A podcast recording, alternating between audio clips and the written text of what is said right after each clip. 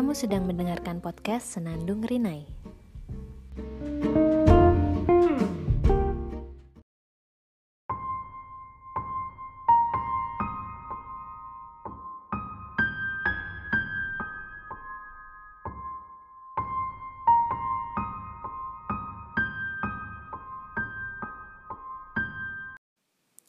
Banyak orang yang terjebak dalam hubungan yang tidak sehat, yang saling menyakitkan, atau yang biasanya kita kenal dengan toxic relationship.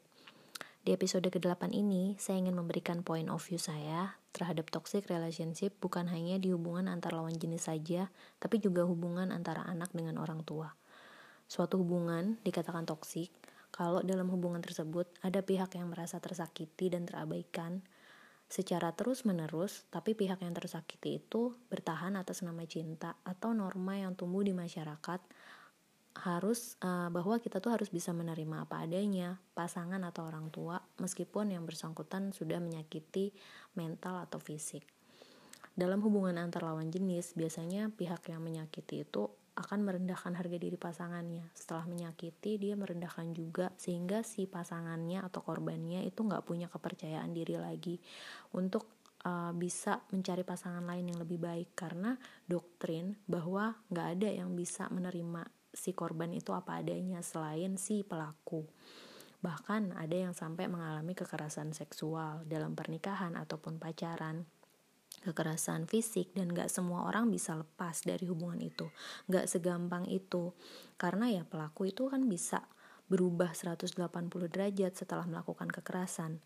Jadi baik jadi uh, sweet ya. Jadi pihak yang ngerasa tersakiti awalnya ini ngerasa jadinya oh uh, dia sudah berubah dan kemudian memaafkan. Uh, makanya menurut saya ketika ada pasangan yang akhirnya memutuskan untuk bercerai itu tidak selamanya hal yang buruk dan patut disesali karena bisa aja itu adalah jalan keluar yang paling baik. Uh, mungkin banyak yang kontra yang bilang bahwa kasihan anaknya dan lain-lain. Tapi menurut saya ketika anak dibesarkan dalam pernikahan yang tidak bahagia dan penuh konflik itu juga akan pengaruhi sisi psikologi si anak uh, bisa jadi ketika bercerai si anak memiliki uh, psikologis yang lebih baik karena komunikasi orang tuanya juga lebih baik. Meskipun ya itu perlu catatan juga uh, setelah bercerai komunikasinya harus tetap terjaga dan itu sulit sih memang. Nah uh, itu toxic relationship antar uh, antar uh, pasangan ya. Kalau misalnya antar anak dan orang tua antar anak dan orang tua ini lebih complicated karena uh, menurut norma yang berlaku apalagi kita di Asia atau di Indonesia uh, kemudian di agama juga bahwa orang tua itu selalu benar bahwa orang tua itu adalah surga kita yang memang benar gitu. Cuma ternyata orang tua itu tidak selalu benar.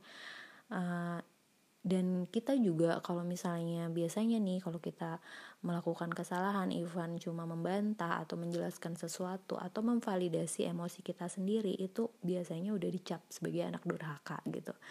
Nah mungkin banyak yang nggak setuju sama saya tapi di dunia ini itu sebenarnya banyak juga case uh, orang tua yang justru durhaka terhadap anaknya. Durhaka dalam tanda kutip ya. Orang tua yang uh, cenderung memaksakan kehendak yang kemudian ngungkit-ngungkit jasa-jasanya uh, yang menyetir uh, apa namanya kehendak orang tuanya sendiri kemudian yang melakukan kekerasan fisik terhadap anaknya itu banyak banget. Apalagi ada juga yang sampai melakukan kekerasan seksual sama anaknya. Nah Uh, saya hari ini baca quote yang menarik uh, dari uh, greatmind.id. Di situ disebutkan bahwa uh, orang tua itu sebelum memutuskan punya anak itu harus selesai dengan dirinya sendiri dulu sehingga ketika dia punya anak dia udah nggak menumpukan uh, harapan-harapannya lagi kepada anaknya nggak uh, menumpukan uh, kebahagiaan lagi pada anaknya gitu. Jadi kalau misalnya dia berharap punya anak hanya untuk menyelesaikan obsesi dia yang belum kesampaian itu kan jadinya kasihan sama anaknya gitu.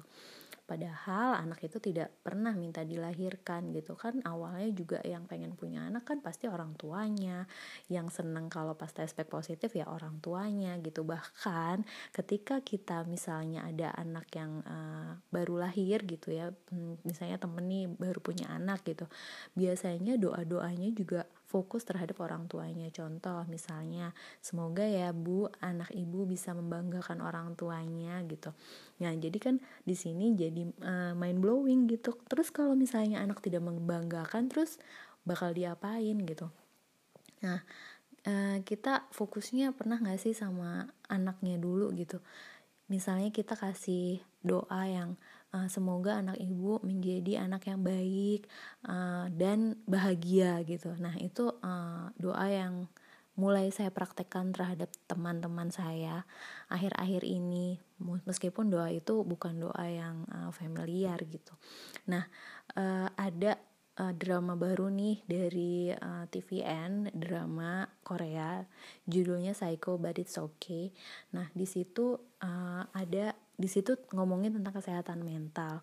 Jadi ada dua case yang mau saya bahas. Case yang pertama adalah ada scene di mana pasien rumah sakit jiwa itu kabur, kemudian uh, dia mengacaukan kampanye orang tuanya sendiri sebagai anggota dewan. Kenapa dia mengacaukan? Karena dia punya gangguan manik. Kemudian dia pengen uh, mengungkapkan semuanya ke orang banyak bahwa dia itu gak selama ini lelah gitu disama-samain sama dibanding-bandingkan sama saudara-saudaranya yang lain gitu. Dia pengennya ya dia apa adanya dia dia memang nggak sepintar saudara-saudaranya yang lain gitu. Jadi selama ini tuh ternyata kenapa dia bisa kena gangguan jiwa? Karena dia terlalu depres uh, sama orang tuanya uh, karena dia tidak seunggul kakak-kakaknya gitu.